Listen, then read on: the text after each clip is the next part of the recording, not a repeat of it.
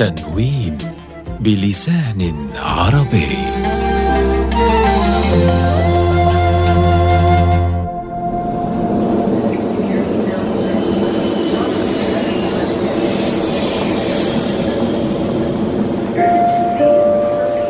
السادة المسافرون عبر الرحلة رقم 2014 البوابة رقم 11 سوف يتأخر الإقلاع لمدة 30 دقيقة. مرحبا. الأستاذة رضوى؟ نعم صحيح. أنا رضوى. أنا طالبة أدب عربي في جامعة القاهرة واسمي حنين. هل لي بالجلوس إليك ريثما يحين موعد الإقلاع؟ فعلى ما يبدو أن الطائرة ستتأخر نصف ساعة. مرحبا بك يا حنين. للأسف فإن كل شيء يتأخر في وطننا العربي وقد اعتدت أمر الانتظار هذا. تعالي تفضلي بالجلوس. لا أعتقد أني بإمكاني التعبير عن سعادتي بهذه المصادفة فقد بدا لي هذا اليوم في بدايته كغيره من الأيام.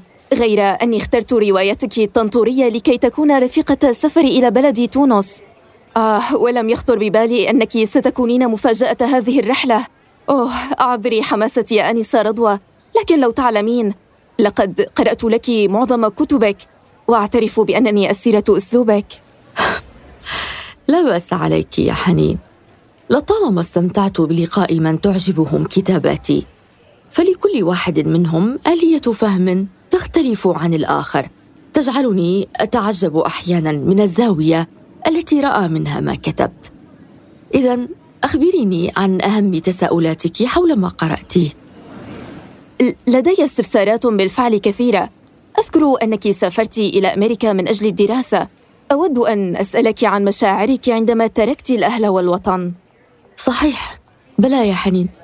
غادرت القاهرة فجر الثلاثين من أغسطس عام 1973 قبلت المودعين ودخلت إلى المنطقة الجمركية حاملة حقيبة زرقاء كبيرة بها ملابسي وبعض الكتب. وحقيبة يد صغيرة أودعتها جواز سفر المصري الأخضر وبطاقة الطائرة ومحفظة جلدية بها نقود وبضع صور عائلية. صورة صغيرة رسمها صلاح جاهين وصارت أغنية نردد فيها مع كرسي الأطفال المصاحب للمغني. صورة صورة صورة. كلنا كده عاوزين صورة صورة للشعب الفرحان تحت الراية المنصورة. ولما كان السؤال قائما ساعتها كما الآن إن كان من الممكن أن نجلس في هذا الجيل أمام الزمان لكي يلتقط لنا صورة تحت الراية المنصورة. فلقد أبقيت هذه الصورة المغناة جميلة ومصقولة. تلك الأخرى التي استلمناها عقب حرب الأيام الستة محروقة كأنها تعكس ما أصابنا من تفحم في الحريق. ومع الصورتين احتفظت بصورة ثالثة عائلية أيضا. يتصدرها أبي حاضرا وعنيدا موزعا بين رغبته في أن يطلقني في الأرض امتدادا لفورة حياة من صلبه ومخاوف مسلم ريفي الجذور يريد للبنت الستر وأمي في الخلفية وأخواتي مقبلات. أعادت لي موظفة الجواز بطاقة السفر فلوحت للمودعين مرة أخيرة واتجهت إلى قاعة المسافرين حيث جلست على مقعد جلدي أسود كبير في انتظار الإعلان عن موعد الإقلاع وكنت أتساءل كثيرا يا حنين. هل أنصفت في قراري بالسفر؟ ربطنا أحزمتنا. وعلى البعد بدت القاهرة. بدت لي كمدينة مستحيلة من عناقيد ضوء مستوحد وسط بحر الظلام الصحراوي. وأنا أنا صرت اثنتين. واحدة مقيدة إلى مقعد طائرة في سماء المدينة وأخرى على أرضها مثبتة فيها كجذع شجرة. أو كحجر في جدار. وعيناي الناظرتان عبر زجاج النافذة الصغيرة تحدقان عبر الظلام والضوء بحثا عن النيل الذي لا تراه وتعرف أنه هناك. رغم أنني عشت غربة التعلم التي ترينني فيها اليوم أستاذة رضوى إلا أنها وبلا شك تختلف عما عشته في أمريكا. فقد اغتربت عن أهلي وناسي ولكن الروح العربية التي أجدها هنا في مصر لا زالت تشعرني بالانتماء. أما ما مررت به من غربة الأهل والتاريخ والثقافة في أمريكا فلا شك أنها أشد وأقسى. كيف استطعت التأقلم مع هذا البلد البعيد بنمطه الجديد كليا وحياته السريعة؟ اخ يا حنين. أكثر ما كان يشعرني بالخوف تلك اللافتات المعلقة في كل مكان. لافتات موجهة من الشرطة إلى الفتيات. كتب عليها إذا وقع اعتداء عليك اتصلي تليفونيا بأحد الأرقام التالية وتبعا للأرقام الرسمية المعلنة هناك حادث اعتداء جنسي يتم كل 11 دقيقة في الولايات المتحدة. أذكر أنه في إحدى المحاضرات جلست في قسم اللغة الإنجليزية مع أستاذ النقد النظري وإحدى الزميلات بانتظار باقي المجموعة للذهاب إلى بيت الأستاذ للمحاضرة. كانت جريدة الجامعة قد نشرت الخبر وقالت إن عدد الطلاب قارب الأربعمائة وصدرت في الصفحة الأولى صورة لعدة فتيات عاريات أثناء ركضهن في الموكب. قال البروفيسور وهو يبتسم بهدوء صرعة جديدة. وقلت لنفسي وما الذي يحرك هذه الصرعات الجديدة؟ كان الجواب واضحا في عدد اليوم التالي من الديلي كوليجيان حين سئل أحد المسؤولين في شرطة أمهرست والتي تدخل الجامعة ضمن اختصاصها فقال لماذا نقلق؟ إن الطلاب يستمتعون بوقتهم وهذا أمر صحي. المؤكد أنه أفضل من ذلك الهوس السياسي الذي استولى عليهم في الستينيات. كانت الشرطة يا حنين تريد للطلاب الاستمتاع بوقتهم هكذا جماعيا لأن هذا يفيد.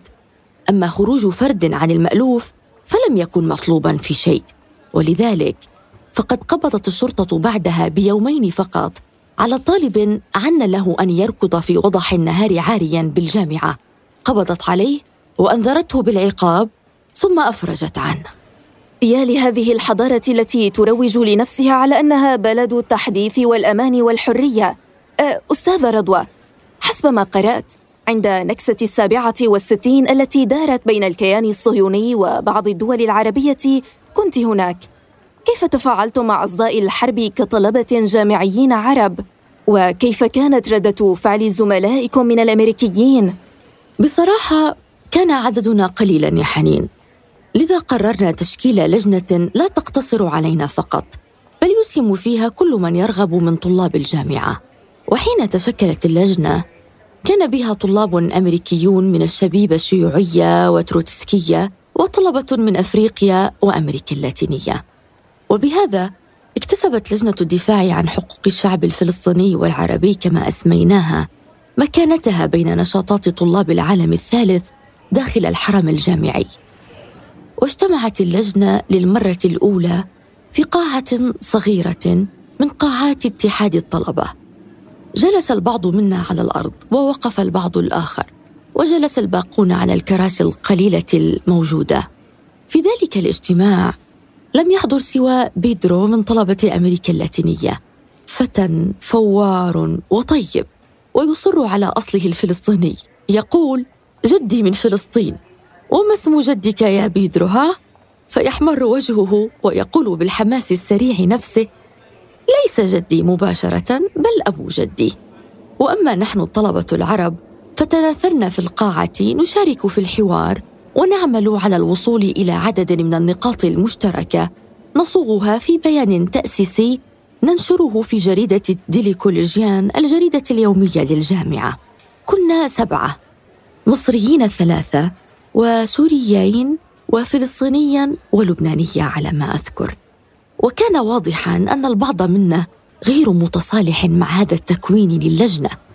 حتى أن أحدهم قال بنبرة شبه غاضبة قبل مغادرته القاعة. علينا أن نقرر إن كانت هذه لجنة عربية أم لكل من هب ودب من الشيوعيين والسود؟ كان من الواضح أن زميلنا خائف من وجوده هكذا فجأة وسط أناس يرفضهم طبقيا وعنصريا ويخشاهم سياسيا. ومع ذلك بقيت له عين في الجنة وعين في النار. يريد فعاليتهم وقدرتهم على المساندة ويتمنى في الوقت نفسه لو أنهم غير موجودين. والأرجح أن آخرين معنا كانوا يشعرون تماما بما يشعر به وإن لم يفصحوا عنه مثله. أوضحنا موقفنا في بياننا وفي عدة رسائل إلى المحرر مركزين على أن عداءنا لإسرائيل ليس رفضا لليهود أو عداء للسامية بل هو رفض للصهيونية ولدولة استعمار استيطاني ترتبط مصالحها بمصالح الإمبريالية. وبدأنا نتناوب العمل في الوقوف أمام مائدة المطبوعات بمركز الحرم ولم تكن مهمتنا هي فقط توزيع النشرات وبيع الكتب بل كانت أساساً توضيح الاستفسارات حول القضية ومناقشة من يريد الدخول في حوار حول هذا الموضوع. وكثيراً ما كان يقترب شاب أو فتاة ويبدأ الحديث بالعبارة التالية. أنا يهودي. أنا يهودية. باستفزاز بحب استطلاع أو بتوجس. نعم كنا ننتظر ما بعد ذلك يا حنين. في أول الأمر كان العديد منهم يعتقدون أن ردنا دليل خبث أو حنكة سياسية أو على الأقل لباقة. ولكنهم تدريجيا بدأوا فعلا يصدقون ما كنا نقوله عن عدم عدائنا لليهود كيهود. ومن تأكيدنا عن الفرق بين اليهودية كدين والصهيونية كعقيدة سياسية. هذا ما كان من أمر طلاب اليهود العاديين. أما الصهاينة فكانوا شديدي العدوانية تجاهنا وكان أكثرهم عدوانية شباب رابطة الدفاع اليهودي. يسيرون داخل الحرم الجامعي بالطواقي على رؤوسهم وعلم إسرائيل على شكل قطعة قماش مستطيلة ملفوفة على ذراعهم. وكلما رأوا أحدا منا وقفوا يحدقون فيه باستفزاز إرهابي صارخ. لم يجرؤوا على ضرب أحد منا صحيح خشية على أنفسهم ومستقبلهم الدراسي بالطبع. ومع ذلك فلم يعدموا وسيلة لإشعارنا بأنهم هناك على استعداد للفتك بنا في أي لحظة. هكذا تماما وقف أحدهم في مواجهة كل المتحدثين بإحدى ندواتنا على مدى ساعتين تقريبا. يحدق في المتحدث ويحرك جذعه يمنة ويسرى وهكذا أيضا كانوا يقفون بالساعات بالساعات أمام مائدتنا لا ينطقون بحرف فقط يحدقون فينا لإرهابنا. فنزيد حنقهم علينا بتجاهلهم ونواصل عملنا.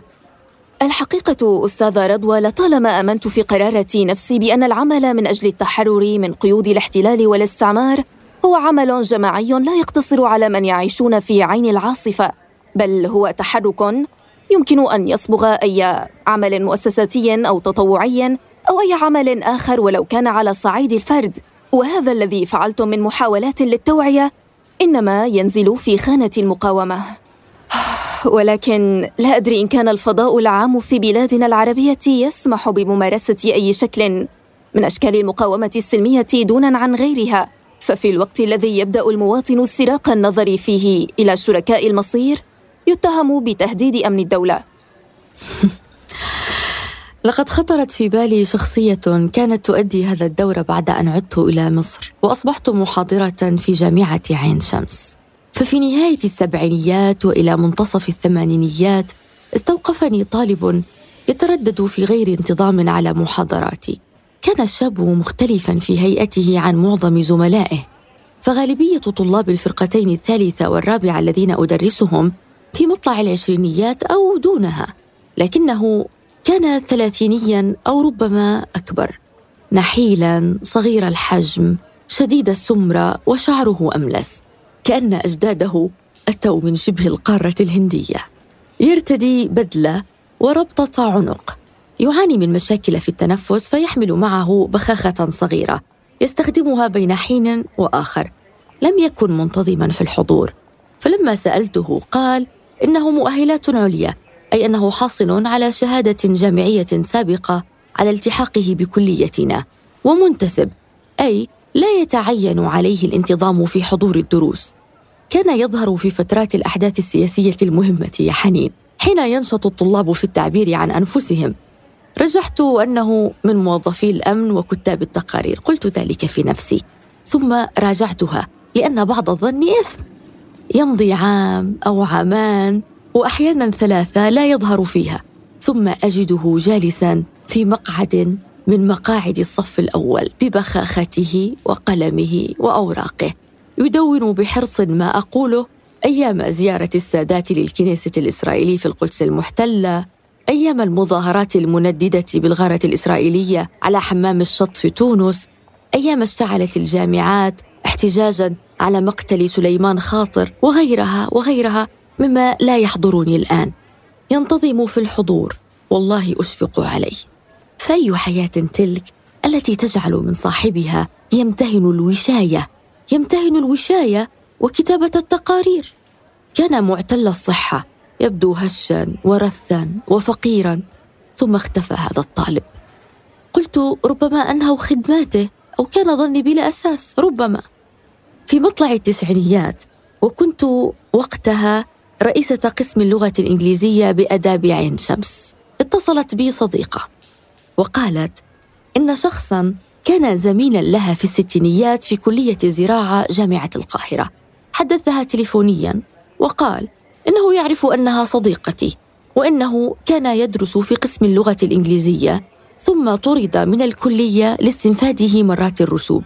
قال إنه كان مريضا والآن وقد شفي يريد أن يعاد تسجيله في الجامعة.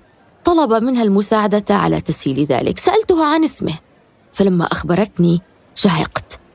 الشاب الأسمر النحيل ذو الشعر الاملس نعم كان زميلك في كلية الزراعة؟ نعم في الستينيات؟ نعم كان يلازمني كظلي شكله غلبان. قدرت أنه يشعر بالوحشه ويستأنس بوجودي. ضحكت وربما كان مغرما. ضحكت أو ربما كان مكلفا بمتابعتك في الكلية. ألم تقولي أنه كان زميلك في منتصف الستينيات؟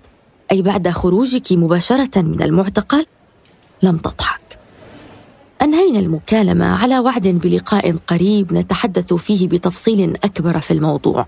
بعد سنوات في نهاية التسعينيات على ما أذكر وجدت الشاب وجدته الشاب هندي الملامح يقف في الممر المؤدي إلى قاعات الدرس في الطابق الرابع بالكلية.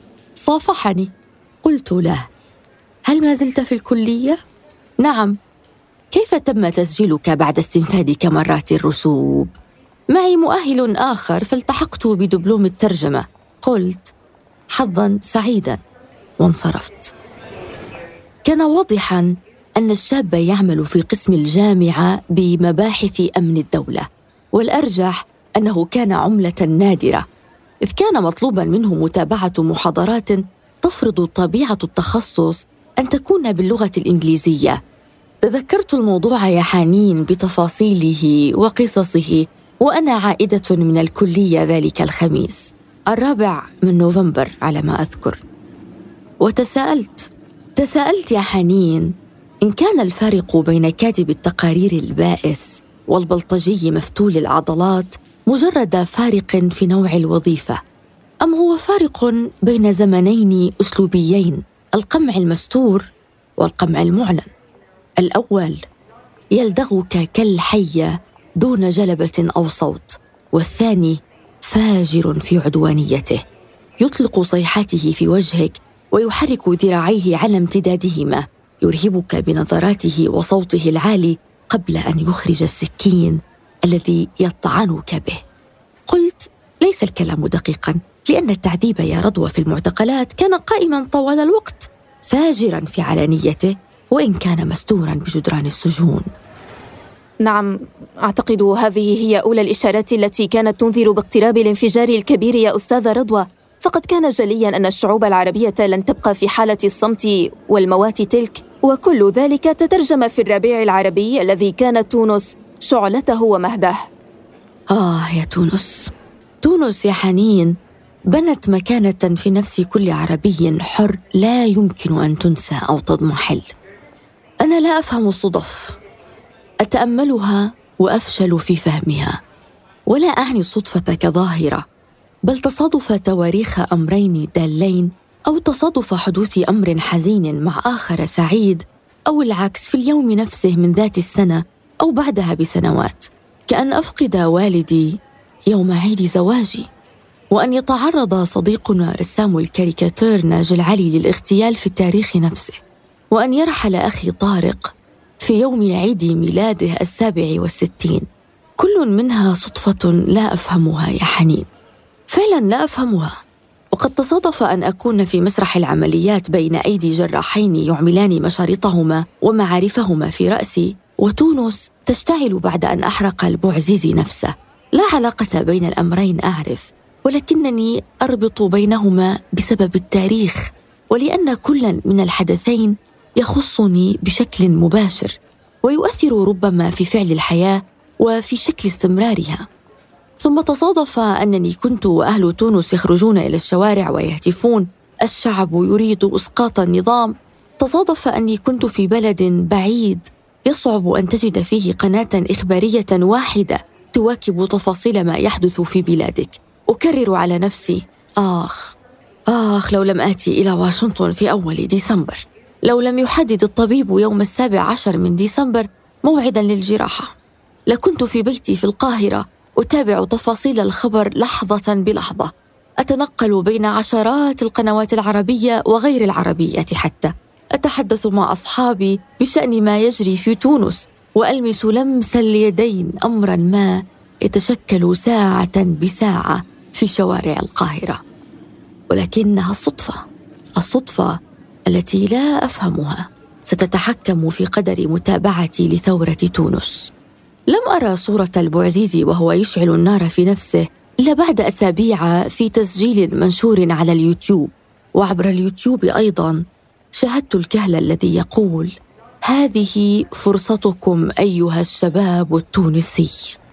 تستطيعون أن تقدموا إلى تونس ما لم نقدم لها نحن لأننا هنا يا حنين يتوقف الرجل برهة عن الكلام وتمتد يده تلمس شعره تتحرك من مؤخرة الرأس إلى مقدمتها لأننا هرمنا لأننا هرمنا يشدد على مخارج الألفاظ والمد في نهاية العبارة. كأنما يمنحه هذا التجديد فرصة لمغالبة الغصة في حلقه أو دمعا محبوسا أو رعشة تتفلت من وجهه وصوته. يلتقط النفس تتحرك يده مرة ثانية على شعره الأبيض ويكرر هرمنا هرمنا من أجل هذه اللحظة التاريخية. نرجو من السادة المسافرين عبر الرحلة رقم 2014 البوابة رقم 11 نرجو منكم التوجه إلى الطائرة. يا إن أسوأ ما في اللحظات الجميلة التي نمر بها هي أنها تنتهي عند نقطة ما. وعلى ما يبدو أن الرحلة ستقطع علينا حديثنا يا أستاذة رضوى. لا بأس فقد بلغت منها ما أريد. وقد جمعتني بك. والحمد لله على قدره. قبل أن نفترق أود لو تخبريني بشيء تودين أن لا أنساه أبدا يا أستاذة رضوى. أذكر أنني يا حنين وفي يوم من الأيام الماطرة غير المعتادة في القاهرة كنت في طريقي إلى الجامعة لإعطاء محاضرة الصباحية.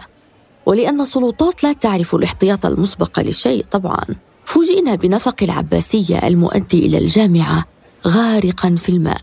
بما لا يسمح بمرور سيارات ولا بشر. وقفت بسيارتي أتساءل كيف أصل إلى الجامعة؟ هل أعود إلى البيت؟ وماذا لو تكلف بعض الطلاب الوصول إلى قاعة الدرس بعد مشقة فلا يجدون أستاذة ولا محاضرة؟ تساءلت كثيرا في ذلك الوقت.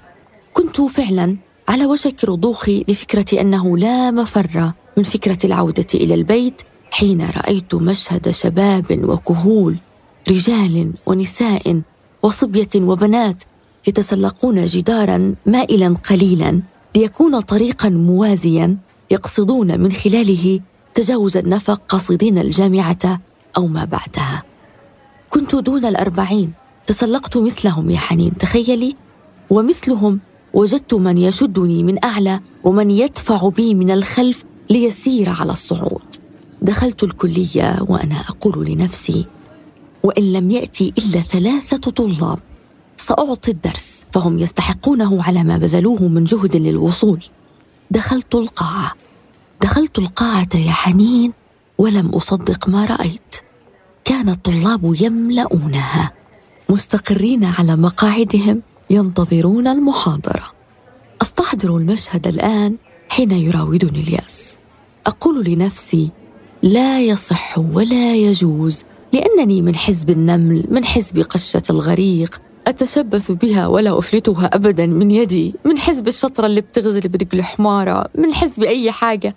لماذا لا أقول أننا ليس أسرتي الصغيرة فحسب بل كامل أسرتنا تلك العائلة الممتدة من الشغيلة والثوار والحالمين الذين يناطحون زمانهم؟ لماذا لا نكون من حزب العناد؟ نمقت الهزيمة ولا نقبل بها. فإن قضت علينا نموت كالشجر واقفين. ننجز أمرين كلاهما جميل. شرف المحاولة وخبرات ثمينة وتركة نخلفها بحرص إلى القادمين. لماذا لا؟ أستدرك أخيرا يا حنين لأنهي هذه الصدفة الجميلة بك بالقول. هناك احتمال آخر لتتويج مسعانا بغير الهزيمة.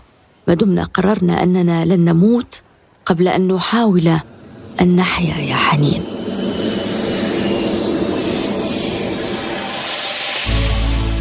اقتبس الحديث الوارد على لسان الشخصية في هذه الحلقة بشكل حرفي فيما تمت إضافة الأسئلة لتتماشى مع سير الحوار الدرامي.